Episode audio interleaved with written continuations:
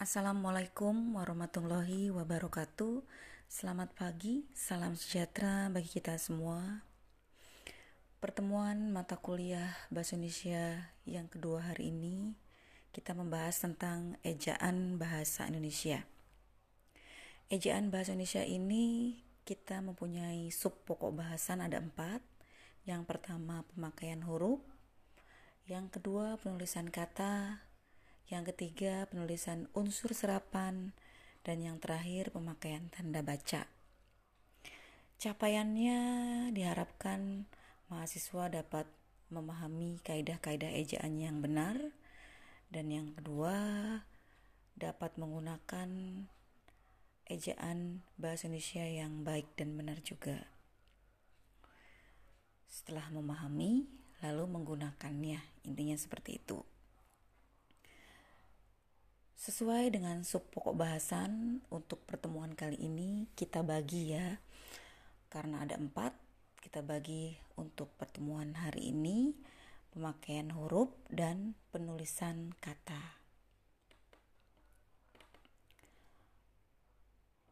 Pemakaian huruf sesuai pokok bahasan kita yang pertama pagi hari ini tentang huruf abjad ya. Huruf abjad di sini terdiri dari 26 huruf A sampai Z yang penulisannya sudah tertera dari PPT dan di Microsoft Word yang sudah Ibu kirim ke GCR. Yang berikutnya kalau huruf vokal kita sudah tahu A, I, U, E, O gitu ya. Di sini uh, pemakaiannya misalnya posisinya dari pemakaian huruf vokalnya di depan ada kata sudah tertera di situ api kalau di tengah padi kalau posisinya di akhir lusa. Jadi a ya. Berikutnya bisa kalian baca sendiri kalau e misalnya enak lalu posisi di tengah petak di posisi akhir sore. Bisa kalian baca di sini A E I O U-nya sudah tertera. Lalu yang berikutnya keterangannya juga di situ jelas sekali ya. Untuk pengucapannya kata yang benar dia kritik. Intinya di sini dia kritik ada kata yang dijelaskan. Misalnya anak-anak bermain di teras. Nah, di teras dikasih tanda dia kritik di atasnya. Seperti itu. Kalau e, bahasanya tidak dikasih kata dia kritik di atas, nanti bukan jadi kata teras, tapi teras. Nah, teras itu pejabat tinggi. Ya, di DPR MPR, menteri, seperti itu ya. Nah, kalau teras halaman. Seperti juga Kedelai merupakan bahan pokok. Nah, ada di situ kecap dan kecap. Nah, kecap nah, karena bahan pokok makanan jadi kecap. Tapi kalau kecap jadi alat ucap. Nah, bacanya kan tadi teras, kecap. Bukan teras, bukan kecap. Nah, seperti itu, ya. Lalu di sini eh, dia kritiknya juga lebih jelas ya kami menonton film seri. Seri. Nah itu dia ya. Lalu pertahanan militer militer militer. Nah kata-kata militer. Militer. Nah beda kan? Militer dan militer. Seperti itu ya. Nah, pertahanan militer ya seperti itu. Jadi di sini kata-katanya bisa kita lihat sendiri ya jangan sampai salah pengucapannya. Jadi dia kritik E seperti seperti itu. Lalu uh, terakhir terakhir juga uh, di sini uh, sudah dijelaskan ya udah terakhirnya sudah dijelaskan yang C-nya. Lalu berikutnya huruf konsonan. Huruf konsonan ada 21 selain A, I, U, E, O tadi gitu ya Nah sini juga jelas, misalnya kalau uh, yang tadi sudah dibahas tentang huruf vokal A, sekarang B. B sendiri kalau posisi awal misalnya bahasa. Posisi tengah sebut. Nah, posisi akhir adab. Nah, maksudnya seperti itu. Jadi huruf di sini bisa kita lihat dari taruh di depannya, ditaruh di tengah atau ditaruh di belakang. Sama seperti tadi. Ya. Lalu yang eh, berikutnya kita lihat lagi, kita simak lagi. Di sini huruf Ki dan X khusus digunakan untuk nama diri dan keperluan ilmu. Maksudnya huruf X pada posisi awal diucapkan S. Seperti ya. Ini keterangannya ada di atas ini. Ya, di atasnya. Lalu sekarang huruf diftong. Huruf diftong itu disebut juga dengan vokal rangkap. Ya, Eh, di sini diterangkan di dalam bahasa Indonesia terdapat empat diftong yang dilambangkan dengan gabungan huruf vokal I, au, e, dan oi. Nah, seperti itu. Misalnya, kalau huruf diftong itu I, aileron. Nah, ya.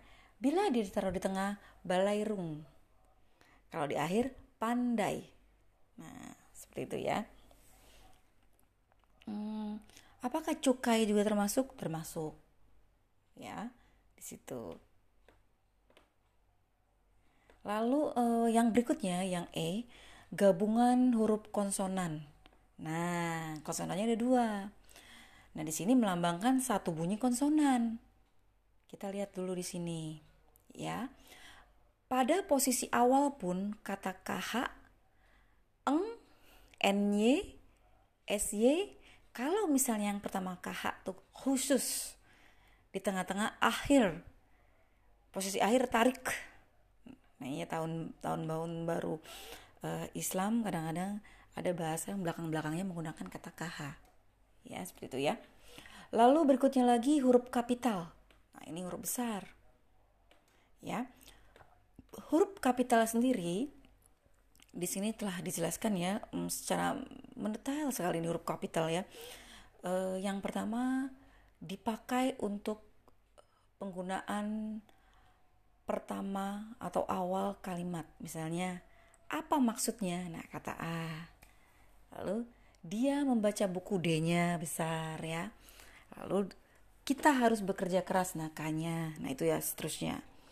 Lalu di sini yang kedua, Huruf kapital dipakai sebagai unsur pertama unsur nama orang termasuk julukan. Nah, maksud seperti apa? Amir Hamzah, Dewi Sartika, Halim Perdana Kusuma. Nah, itu kan depan-depannya harus harus huruf besar. Seperti nama Apriani Rianti, A-nya depan, nama ibu itu harus besar, R-nya juga harus besar. Seperti itu ya. Atau ada lagi sebutan-sebutan yang mm, di sini yang memang uh, familiar seperti Jenderal Kancil ya di bawahnya ya itu ya. Nah itu Dewa Pedang seperti itu. Lalu ada catatannya sendiri.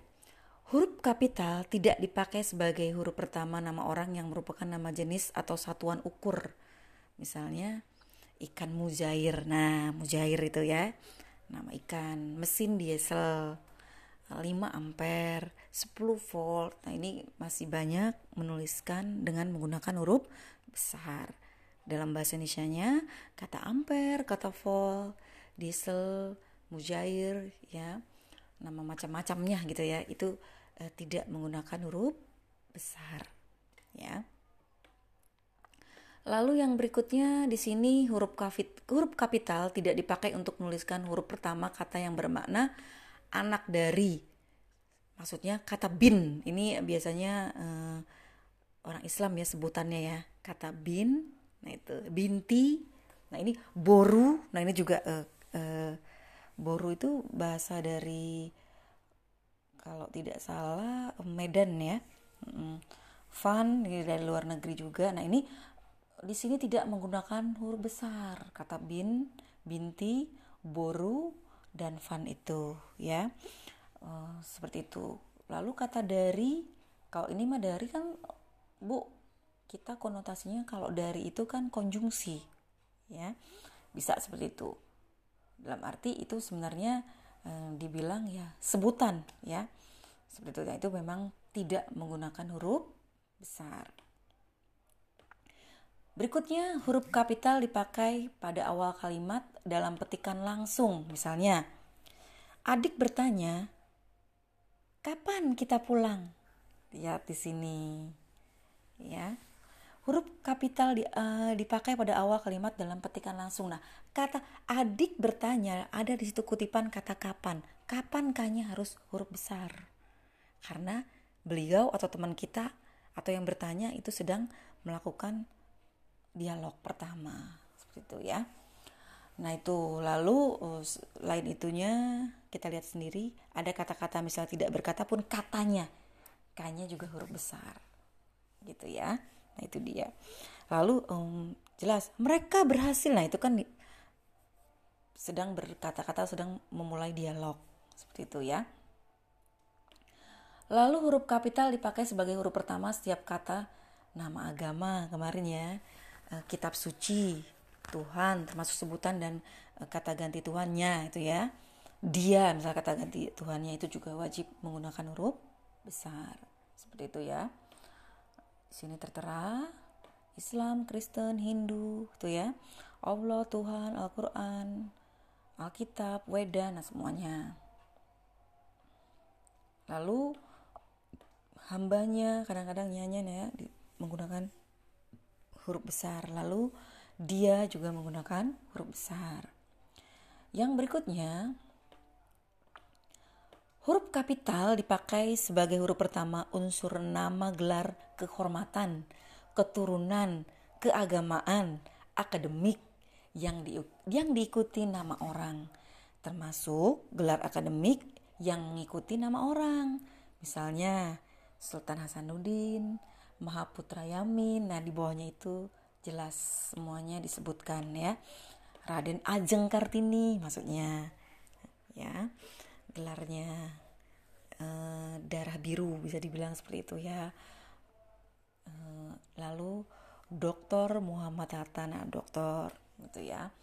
Sarjana hukum, sarjana hukum, nah itu huruf besar. Kalau mau disingkat S titik H itu ya. Kan selama ini suka ada tulisan SH saja. Sebenarnya harus menggunakan tanda baca titik ya.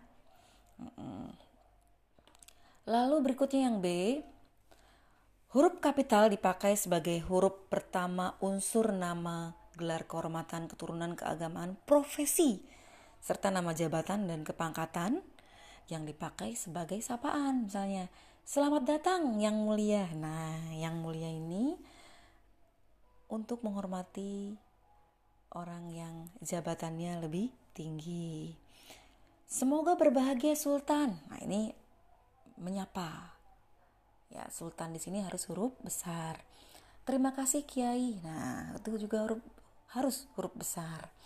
Selamat pagi dokter. Nah, dalam pembicaraan pun kata sapaan bila kita um, sedang menulis kata-kata bila memang itu menyapa kata bapak kata ibu gunakanlah b-nya huruf besar i-nya juga huruf besar gitu ya. Walaupun dalam suatu wacana ya bila dia kata sapaan wajib menggunakan huruf besar. Berikutnya huruf kapital dipakai sebagai huruf pertama unsur nama jabatan dan pangkat yang diikuti nama orang atau yang dipakai sebagai pengganti nama orang tertentu, nama instansi atau nama tempat. Misalnya, Wakil Presiden ada Malik. Nah, ada bacaan seperti itu ya. Lalu Perdana Menteri Nehru. Ini yang eh, menteri-menteri eh, zaman pemerintahan di eh, Jepang ya.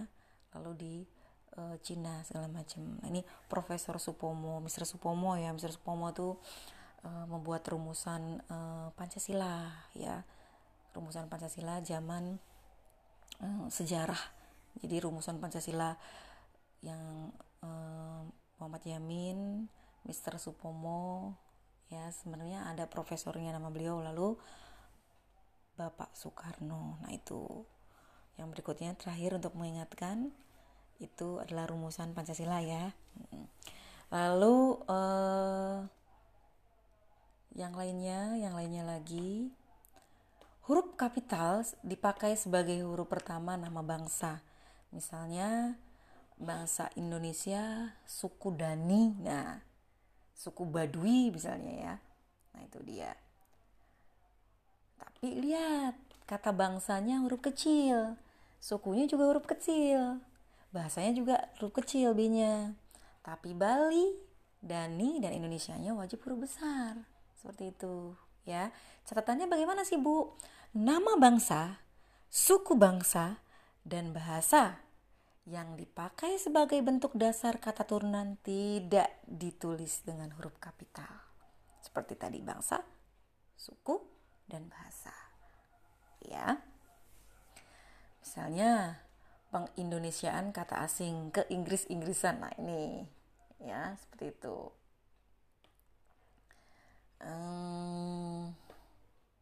Lalu yang kedelapan, huruf kapital dipakai sebagai huruf pertama nama tahun, bulan, hari, dan hari besar.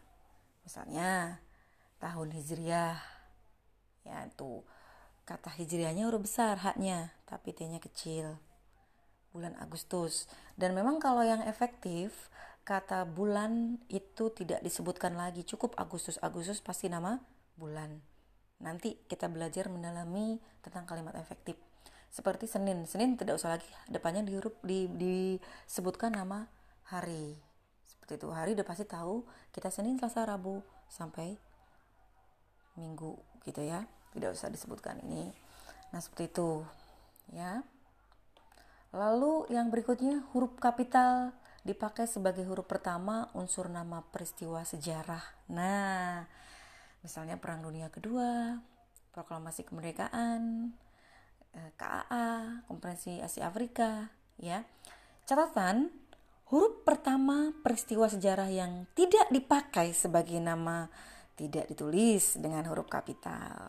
Misalnya eh, ini harus Bapak ya, Bapak Soekarno dan Hatta memproklamasikannya karena proklamasinya situ di situ sudah ada imbuhannya proklamasinya jadi tulisannya udah huruf kecil. Ya seperti itu maksudnya. Lagi kan itu bukan di awal lagi ya. Lalu di situ juga hmm, perlombaan senjata membawa risiko pecahnya perang dunia. Nah perang dunia tidak ditulis dengan huruf besar paham ya mengapa Ibu ulangi lagi huruf pertama peristiwa sejarah yang tidak dipakai sebagai nama tidak ditulis dengan huruf kapital. Yang nomor 9, huruf kapital dipakai sebagai huruf pertama nama geografi. Nah, apa sih nama geografi? Kita terkenalnya nama geografi ya, nama tempat. Lalu di situ nama unsur-unsur dalam biologi juga ya kadang-kadang ya. Nah, itu misalnya Jakarta, Pulau Miagas, Bukit Barisan. Nah, itu sampai terakhir kita lihat di situ itu wajib menggunakan huruf besar. Lalu yang berikutnya lagi ada catatannya. Huruf pertama nama geografi yang bukan nama diri tidak ditulis dengan huruf kapital. Misalnya apa sih Bu? Berlayar ke teluk. Nah, menyeberangi selat. Nah, teluk, selat itu nama geografi. Nah, itu ya. Huruf pertama nama geografi yang bukan nama diri tidak ditulis dengan huruf kapital. Ya, mandi di sungai, berenang di danau, nah itu tidak perlu menggunakan huruf besar. Berikutnya lagi catatannya, huruf pertama nama diri geografi yang dipakai sebagai nama jenis tidak ditulis dengan huruf kapital. Misalnya jeruk Bali, kacang Bogor, empek-empek Palembang. Nah, itu. Ya, kan itu nama makanan jeruk bali nama buah maksudnya seperti itu ya tidak usah lagi menggunakan huruf besar ini eh, sering di UTS entah UAS ini pasti nih keluar ya jadi untuk eh, mana eh, kata yang benar seperti itu ya itu mohon diperhatikan di sini ya walaupun Bali itu istilahnya nama daerah tetapi kalau di sini pengucapannya tentang nama jenis ya tidak menggunakan huruf besar. Ya, seperti itu. Lalu eh, nama yang disertai nama geografi dan merupakan nama jenis dapat dikontraskan atau disejajarkan dengan nama jenis lain dalam kelompoknya. Misalnya, kita mengenal ya ada macam gula-gula aja kadang-kadang kan disebut kalau gula merah dibilang gula Jawa, gula pasir. Nah, itu dia, ya. Itu uh, kunci Inggris kan Inggris uh, nama daerah, eh nama nama negara, nama daerah. Nama negara, Bu. Kok dibilang kunci di sini hmm, kuncinya huruf besar tapi kok Inggrisnya nama nah itu dia. Ini juga termasuk seperti keterangannya yang Ibu bilang tadi, ya. Lalu lihat lagi di bawahnya juga ya batik. Nah eh, contoh berikut bukan nama jenis misalnya. Dia mengoleksi batik Cirebon batik Pekalongan batik Solo batik Yogyakarta batik Madura. Ini berarti memang nama daerahnya lebih dikedepankan asal daerahnya. Gitu ya. Nah beda ya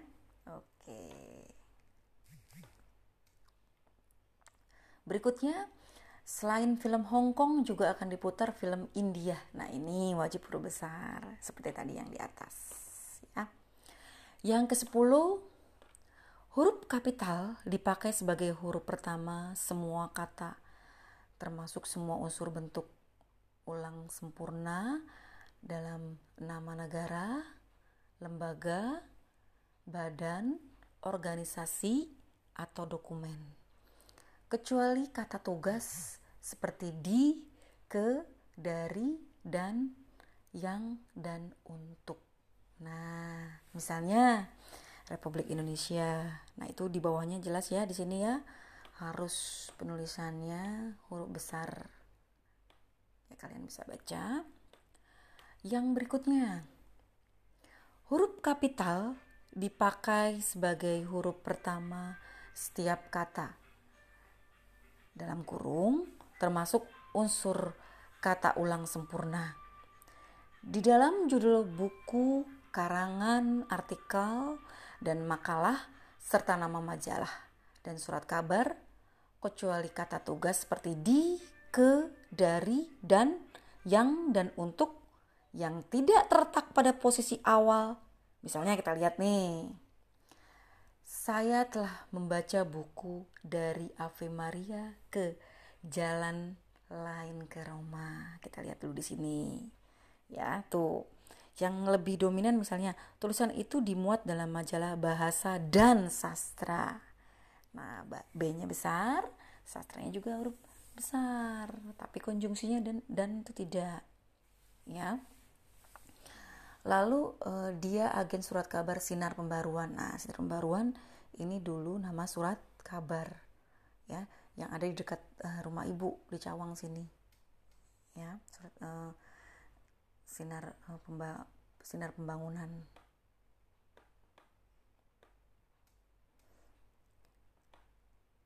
Lalu berikutnya lagi di sini Huruf kapital dipakai sebagai huruf pertama unsur singkatan, nama gelar, pangkat, dan sapaan. Nah, tadi Ibu udah bilang ya, kita selama ini juga nulis SH-nya salah. Harusnya S titik H. Mengapa? Nah, itu kan kepanjangan. SH kepanjangan dari sarjana hukum. Jadi titik itu sebenarnya juga menjelaskan kata sarjana. Ya, agar lebih di uh, kata-katanya komplit. Maksudnya makanya dikasih titik. Ya. Uh, lalu S titik K titik M. Selama ini juga SKM misalnya seperti itu ya. Nah, kecuali kalau yang benar kamu menyebut kata S titik PD itu kalian pasti benar. S nya besar titik P nya besar lalu D nya kecil. Nah padahal SH sendiri itu kata yang memang harus uh, ada kepanjangannya. Di situ harus dikasih titik ya. S titik H titik. Nah seperti itu ya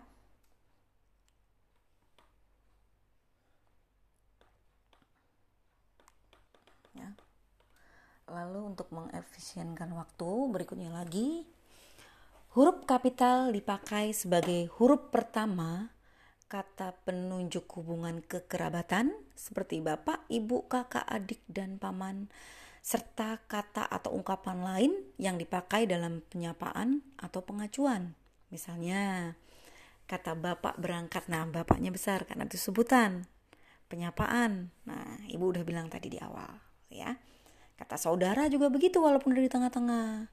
Wajib menggunakan huruf besar karena menyapa ya. Lalu berikutnya nih ada catatannya. Istilah kekerabatan bukan merupakan penyapaan atau pengacuan misalnya seperti nah kita harus menghormati bapak dan ibu kita. Itu bukan menyebut misalnya bapak harap hadir dalam acara kenegaraan misalnya. Nah, itu kan sebutan. Diharapkan bapak hadir, B-nya huruf besar karena itu menyapa. Kalau tidak menyapa huruf kecil saja. Gitu ya. Lalu yang berikutnya kata ganti Anda ditulis dengan huruf awal kapital misalnya sudahkah Anda tahu? Nah, kenapa itu menyapa? ya. Berikutnya huruf miring. Huruf miring. Huruf miring dipakai untuk menuliskan judul buku, nama majalah, atau nama surat kabar yang dikutip dalam tulisan termasuk dalam daftar pustaka. Misalnya, saya sudah membaca buku Salah Asuhan. Novel ya di sini harusnya ya.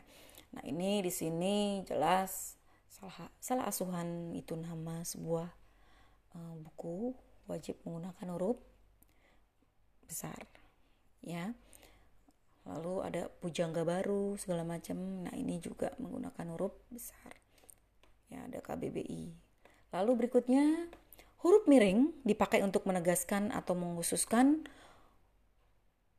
huruf bagian kata kata atau kelompok kata dalam kalimat Misalnya huruf terakhir kata abad. Ya. Dia tidak diantar tetapi mengantar. Kita lihat seperti apa. Huruf miring dipakai untuk menegaskan, lebih ditegaskan lagi. Nah, seperti itu ya. Berikutnya dalam bab ini tidak dibahas. Nah, tidak itu untuk penekanan. Penekanan di sini gunakanlah huruf miring. Jadi lebih uh, kita tuh menekankan oh tidak kata tidak tadi. Lalu buatlah kalimat dengan menggunakan ungkapan lepas tangan. Nah, lepas tangan itu bahasa ungkapan ya. Nah, ini wajib menggunakan huruf yang dimiringkan, lebih ditekankan, maksudnya seperti itu. Berikutnya yang ketiga, huruf miring dipakai untuk menuliskan kata atau ungkapan dalam bahasa daerah atau bahasa asing. Nah, lihat di sini.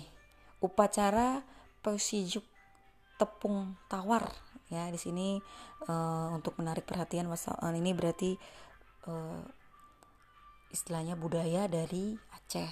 Nah, lalu berikutnya nama ilmiah buah manggis. Nah, di situ kita lihat dimiringkan ya.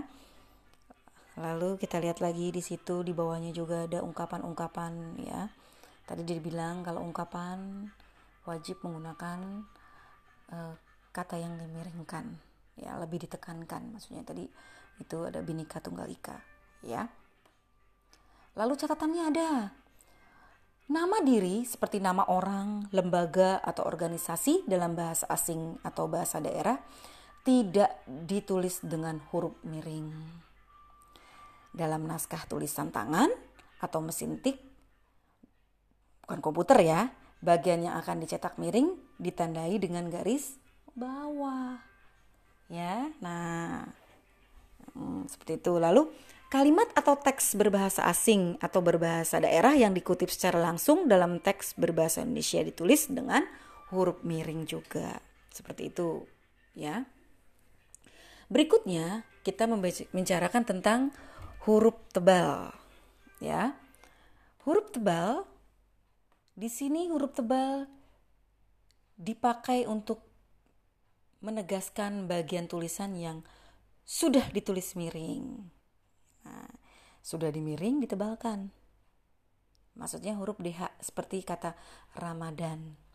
Tidak terdapat dalam ejaan bahasa Indonesia. Yaitu ada di situ diberi uh, huruf tebal ya walaupun di situ juga penegasan misalnya menegaskan ramadannya uh, dimiringkan lalu kata ini kan artinya kata dan. Ora et labora. Nah itu dia. Berikutnya yang kedua huruf tebal dapat dipakai untuk menegaskan bagian-bagian karangan seperti judul buku bab atau subbab. Kita lihat. Nah, nanti ini kita belajar tentang KTI ya, karya tulis ilmiah. Nah, itu ada nanti kita ingatkan lagi ya biar jangan lupa latar belakang atau masalah. Di situ terus uh, latar belakang masalah. Nah ini nanti kalian belajar ini itu wajib menggunakan huruf besar. Jadi judul ya seperti itu dalam subbab subbabnya. Seperti itu. Lalu kita ke bagian penulisan kata. Ya. Tadi kita sudah membahas tentang pemakaian huruf. Ya A sampai Z lalu A I U E O diftong ya diakritik ya. Lalu oh, bagaimana kita menggunakan kata-kata di situ ada unsur-unsur geografis ya. Lalu homonim homofon homograf juga sebenarnya sudah dibahas tadi ya. Seperti kata ke kecap kecap. Nah teras teras seri. Nah itu sebenarnya termasuk di dalamnya itu ada homonim homofon homograf nanti akan ibu bahas. Ya nanti akan ibu bahas. Semoga nanti kita bisa ada tanya jawab juga ya. Yang kedua tentang penulisan kata ya. Penulisan kata kita lihat dulu tentang kata dasar. Kata dasar ditulis sebagai satu kesatuan misalnya uh, di sini kantor pajak penuh sesak. Saya pergi ke sekolah. Buku itu sangat tebal. Lalu uh, kata memenuhi. Memenuhi kata dasarnya penuh. Kemarin kita sudah belajar tentang kata yang dilebur. Ibu menyingkatnya dengan KTSP ya. KTSP ini di sini ada kata yang dileburkan kecuali dia menggunakan konsonannya rangkap ya khusus meng, nah tidak dilebur seperti itu stabil nah itu tidak dilebur ya karena konsonannya ada dua atau rangkap ya kemarin sudah dibahas nanti bisa kalian buka lagi Berikutnya kata berimbuhan. Berimbuhan itu ada awalan, sisipan, akhiran. Kemarin juga sudah dibahas ya. Seperti itu. Jalan itu kata dasar, berjalan berarti di situ ada awalan. Ya. Bisa kalian lihat. Nah, di sini. Uh, lalu ada catatannya. Imbuhan yang diserap dari unsur asing seperti isme, man, wan itu ada unsur bahasa asing ditulis rangkai dengan bentuk dasarnya ya seniman. Nah itu kita tahunya seniman bahasa Indonesia aja pada dari kata man itu termasuk kata serapan dari bahasa asing. Lalu kamera kamerawan nah itu orangnya ya. Gerejawi nah itu wajib dijadikan satu serangkai. Serangkai dibilangnya serangkai. Berikutnya yang kedua, bentuk terikat ditulis serangkai dengan kata yang mengikutinya. Kita lihat misalnya, nah kemarin juga sudah belajar adi busana ya antar kota kemarin juga sudah belajar dan sudah dibahas. Kata non juga ya, non kolaborasi, narapidana. Selama ini nulis narapidana aja kadang-kadang dipisah ya. Kemarin juga ditulis yang sub-sub itu wajib dijadikan satu. Semi juga pasca juga purnawirawan juga ya seperti itu ya ini wajib dijadikan satu. Ya. Nah catatan ada catatan nih catatannya. Bentuk terikat yang diikuti oleh kata yang berhuruf awal kapital atau singkatan yang berupa huruf kapital dirangkaikan dengan tanda ayo tanda sambung dibilangnya. Sekali lagi bentuk terikat yang diikuti oleh kata yang berhuruf awal kapital atau singkatan. Ingat, yang berupa huruf kapital dirangkaikan dengan huruf itu strip itu itu kata sambung. Maksudnya gimana sih bu? Non Indonesia eh, pro Barat non ASEAN anti PKI nah ini kata ada kata hubung di sini ya. Berarti yang menghubungkan di situ. Nah itu wajib menggunakan kata hubung ya strip lah biasa suka dibilang seperti itu. Nah nanti juga di situ ada di situ kata hubung untuk kalimat majemuk nanti ada di bawahnya. Ya seperti itu. Lalu yang berikutnya bentuk maha yang diikuti kata turunan yang mengacu pada nama atau sifat Tuhan ditulis terpisah dengan huruf awal kapital. Misalnya marilah kita bersyukur kepada Tuhan yang maha pengasih. Nah kita berdoa kepada Tuhan yang Maha Pengampun. Bentuk Maha yang diikuti kata turunan mengacu kepada nama atau sifat Tuhan ditulis terpisah dengan huruf awal kapital. Ya. Pengasih, pengampun. Nah, ada lagi ini.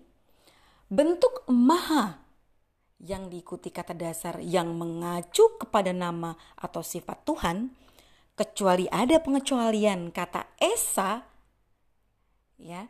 Nah, ditulis serangkai. Misalnya, tapi ingat ada esa di sini ini pengecualian ya. Misalnya maha kuasa. Nah, ingat di sini itu wajib ibu ibu ibu, ibu itu kan nama Tuhan ya karena di sini e, termasuk diikuti kata dasar yang mengacu kepada nama atau sifat Tuhannya ya itu e, dirangkai nah seperti itu ya maha kuasa jadi di sini eh, dasar kata dasar yang dinya maha kuasa. Seperti itu ya. Tadi bu pengasih pemurah kenapa dipisah ya? E, bahasanya gini e, pemurah ada di situ ada dasarnya murah. Ya pengasih asih seperti itu. Ini kalau kuasa nah itu langsung kan di sini kan kata dasar. Ya, ada pengecualian. Ya, sekali lagi ada pengecualian ibu mengingatkan kata esa. Esa harus dipisah. Ya seperti itu lanjut Tuhan yang maha kuasa dijadikan satu. Lalu eh, di sini kecuali ya ada Tuhan yang maha esa melindungi kita.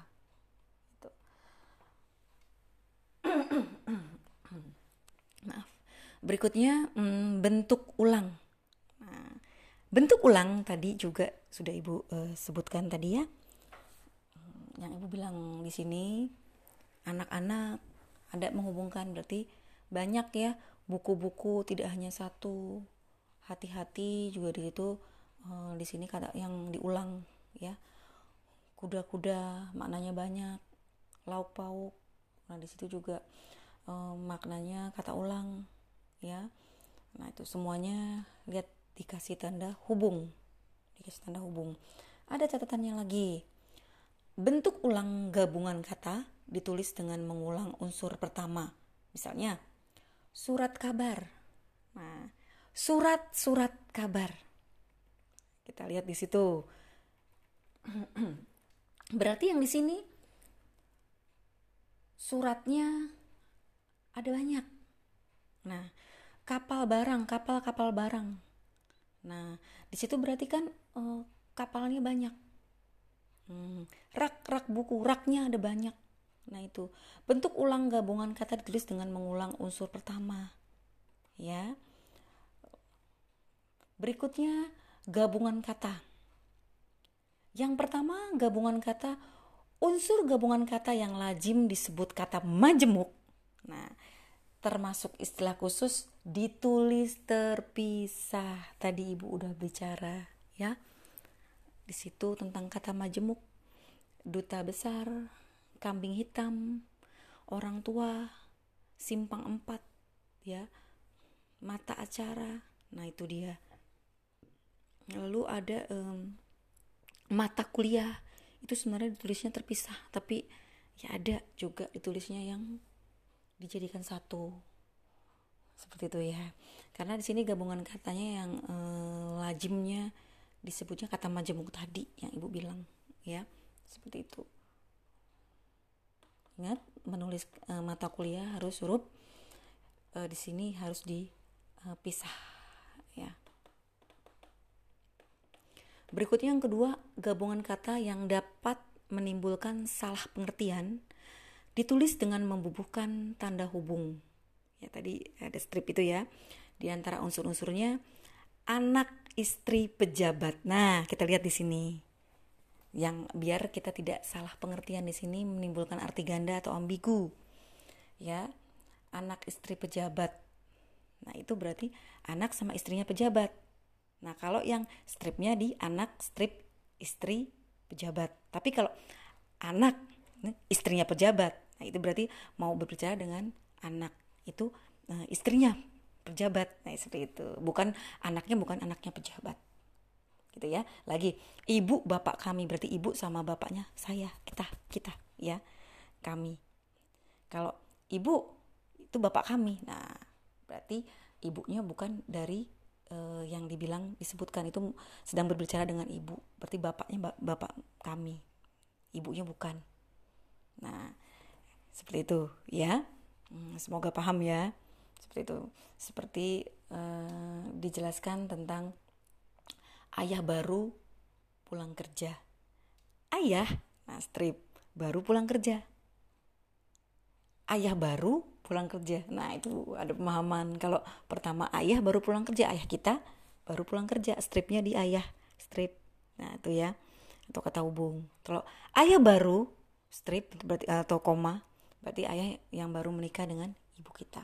Nah itu juga ya seperti itu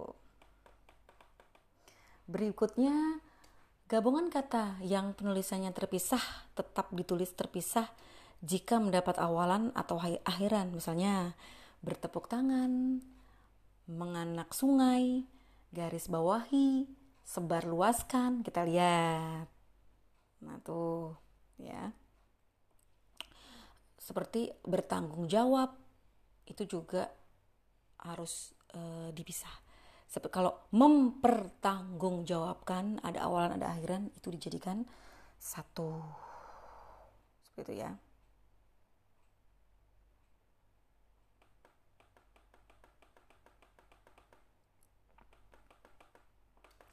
Lalu di sini gabungan kata yang mendapat awalan akhiran sekarang ditulis rangkai. Oh ini jelaskan dilipat gandakan, menggaris bawahi, menyebar luaskan, ya. Karena kenapa ada awalan akhiran itu wajib dijadikan satu. Tadi ibu udah bilang mempertanggungjawabkan tadi ya. Lalu berikutnya, oh ada di bawah mempertanggungjawab, pertanggungjawabannya di sini. Lalu berikutnya nomor 5 gabungan kata yang sudah dipadu ditulis rangkai. Nah, maksudnya di sini memang sudah biasa digunakan ya acap kali ada kalanya apalagi bagaimana kan bagaimana kata bagai dan mana. Hmm, seperti itu ya. Barangkali nah ini beasiswa selama ini sih selama ibu perhatikan memang ditulisnya benar ya serangkai ya. Matahari juga benar penulisannya seperti itu. Cuma ada kata olahraga. Olahraga sering tulisannya itu dipisah. Padahal olahraga sendiri itu wajib dijadikan satu nah itu di sini ada ini olahraga harus dijadikan satu ya. Lalu berikutnya pemenggalan kata. Pemenggalan kata di sini eh, yang pertama kita jelas mengetahui ya kata misalnya Apri nah misalnya nama ibu Ap nah dipenggal katanya. Nah lalu kalau misalnya contohnya di sini jika di tengah kata terdapat huruf vokal yang berurutan pemenggalannya dilakukan di antara kedua huruf vokal itu. Misalnya buah main niat. Nah itu. Ini kata yang dipenggal, dipenggal ya. Lihat dulu sini pemenggalan kata. Pada kata dasar dilakukan sebagai berikut. Nah ini. Yang pertama ya. Itu.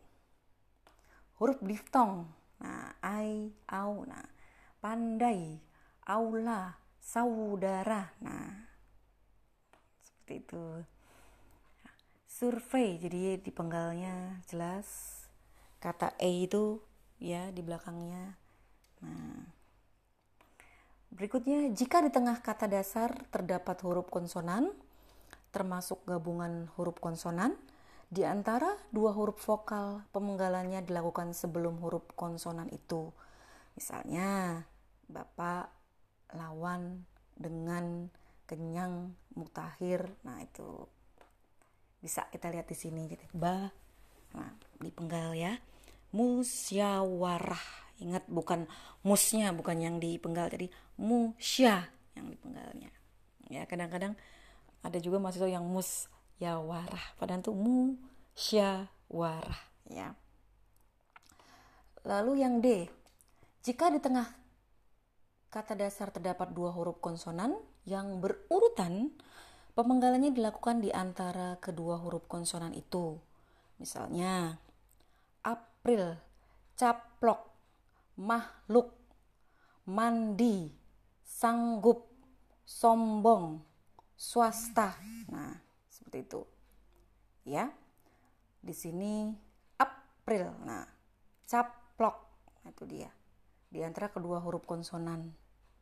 Maksudnya ada P, ada R. Tetap di situ, tergantung pengucapannya ya. Berikutnya, jika di tengah kata dasar terdapat tiga huruf konsonan, konsonan atau lebih yang masing-masing melambangkan satu bunyi, Pemenggalannya dilakukan di antara huruf konsonan yang pertama dan huruf konsonan yang kedua. Contohnya ultra, infra, nah, bentrok. Nah, kita bisa lihat di situ ya. Instrumen. Ya, bukan instru. Nah, tuh ya. Kadang-kadang kan kita inst bukan instrumen. Nah, itu di penggalnya. Catatan lagi. Gabungan huruf konsonan yang melambangkan satu bunyi tidak dipenggal. Misalnya Bu, bangkrut, bangsa, banyak, ikhlas. Nah, ya. Dan seterusnya. Berikutnya, pemenggalan kata turunan terdapat uh, ya sedapat dapatnya dilakukan di antara bentuk dasar dan unsur pembentuknya misalnya berjalan, mempertanggungjawabkan. Nah, membantu. Nah, itu dia lihat di sini. Ya. Catatan, lagi catatan.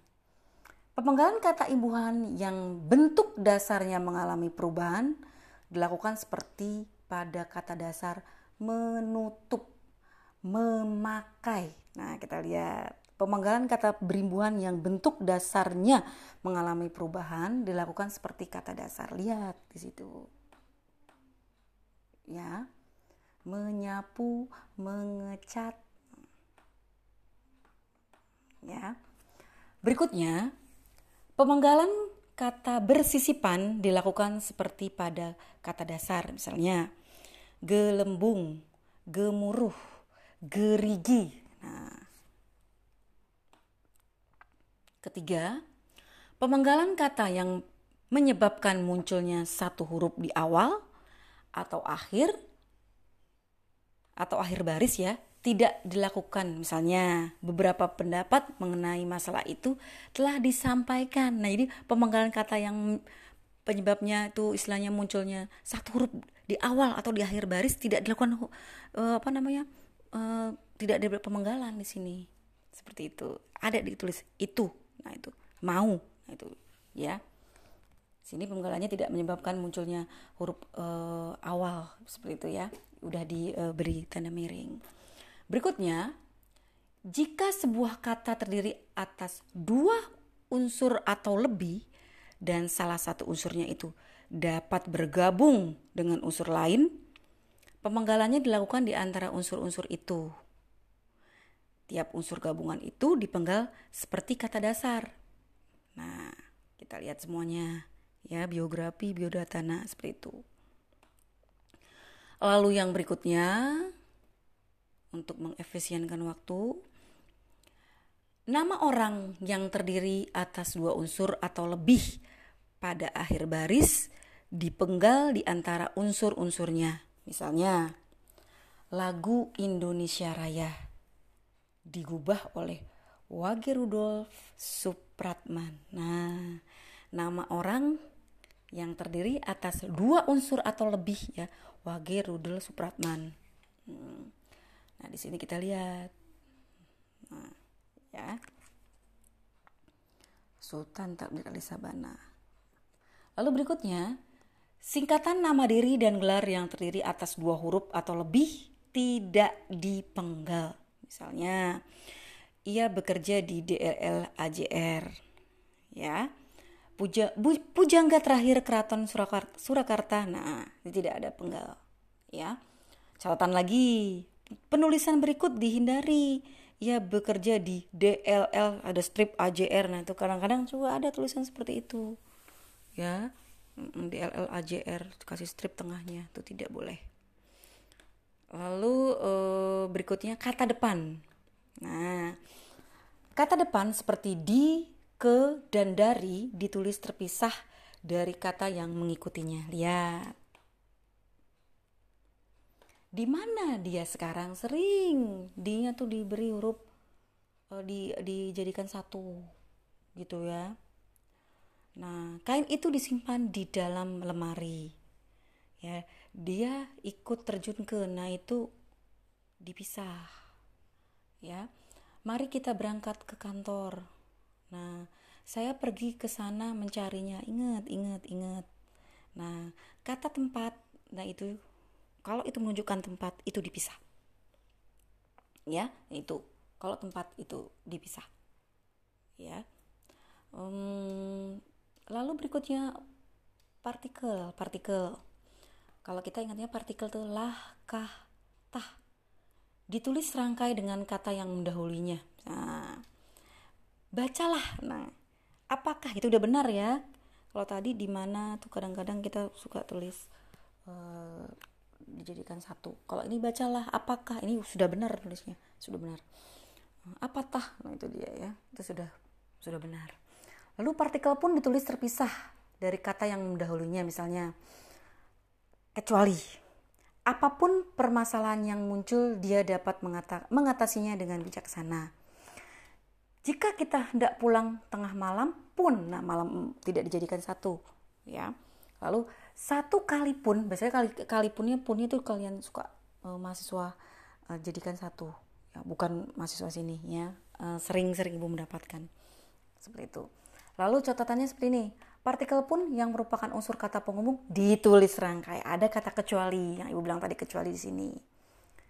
Nah, meskipun sibuk, nah dia tetap bersa, bersemangat walaupun nah seperti itu. Mengapa Ibu di sini partikel pun yang merupakan kata unsur merupakan unsur kata penghubung. Nah, kata penghubung itu uh, konjungsi ya, Nak. Konjungsi ya, konjungsi maksudnya kata hubung itu wajib dijadikan satu meskipun sibuk. Nah, walaupun nah adapun bagaimanapun nah itu jangan lupa itu uh, selama dia kata penghubung silahkan kalian jadikan satu penulisannya.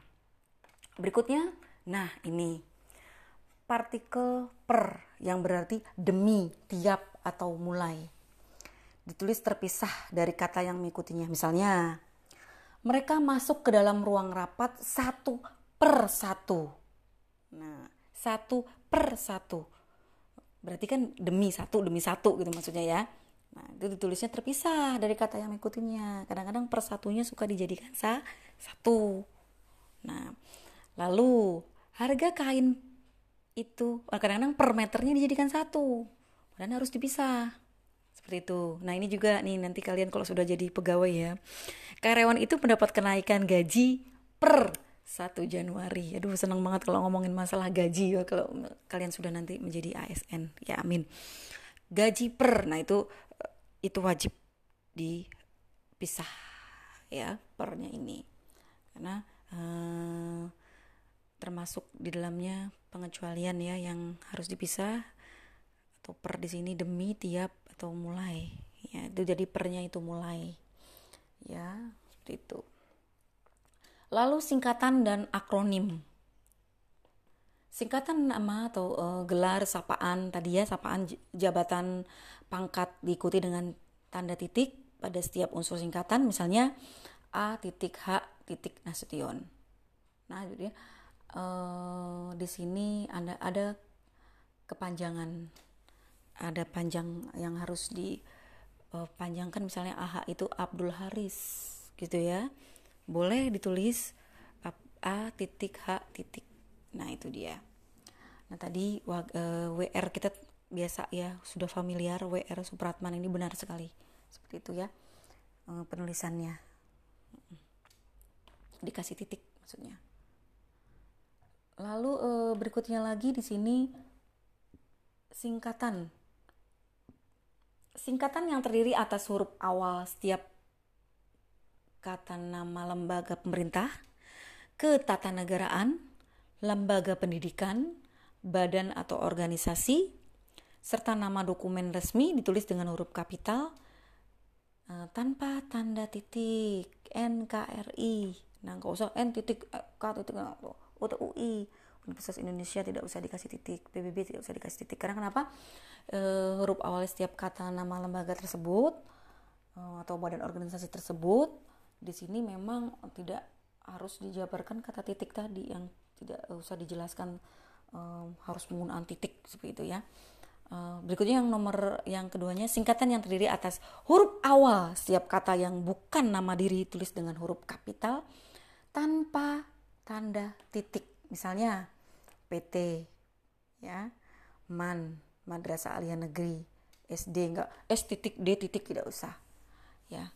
Seperti itu. KTP juga nggak usah udah KTP tulisan seperti itu nah, singkatannya di sini uh, yang bukan nama diri yang bukan nama diri ya seperti itu berikutnya uh, singkatan yang terdiri atas tiga huruf atau lebih diikuti dengan tanda titik nah maksudnya HL untuk halaman dan lain-lain kita kadang-kadang uh, lupa ya. Halaman HLM tidak dikasih titik dan lain-lain juga tidak dikasih titik. Sebenarnya itu wajibnya dikasih titik ya. Dan kawan-kawan tanda tangan ya. Kadang-kadang kan tanda tangan titik. YTH titik. Kalau YTH banyak yang ingat ya dikasih titik. Berikutnya um,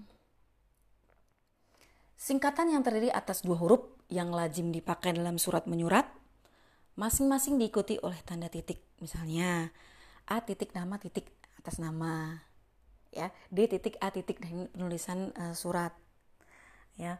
Untuk beliau juga untuk perhatian sampai dengan nah ini S titik D titik kenapa? Memang di situ ada kepanjangannya. Singkatan yang terdiri atas dua huruf yang lazim dipakai dalam surat me menyurat ya. Berikutnya eh, lambang kimia lambang kimia singkatan satuan ukuran takaran timbangan dan mata uang tidak diikuti tanda titik. Ya. CU kuprun ya.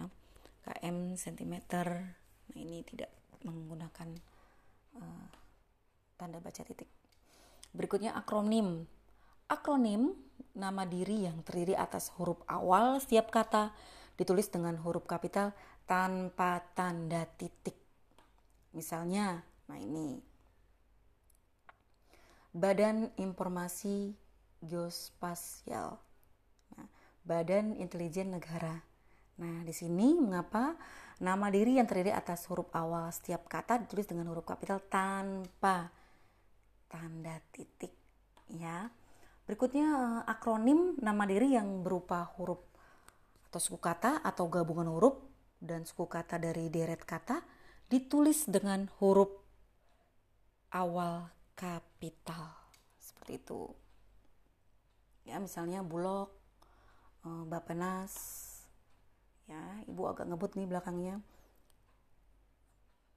sudah hampir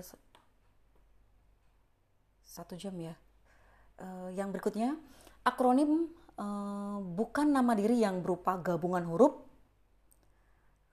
Akronim bukan nama diri yang berupa gabungan huruf awal dan suku kata atau gabungan suku kata ditulis dengan huruf kecil. Misalnya, IPTEK, Ilmu Pengetahuan dan Teknologi, Pemilu. Nah, ini Puskesmas, rapim, rudal, tilang. Nah, di sini bukan nama diri yang di sini berupa gabungan huruf ya sering nanti di tengah-tengah wacana kadang-kadang penulisan kata iptek harus g-nya i-nya di uh, apa diberi huruf besar itu sebenarnya tidak usah.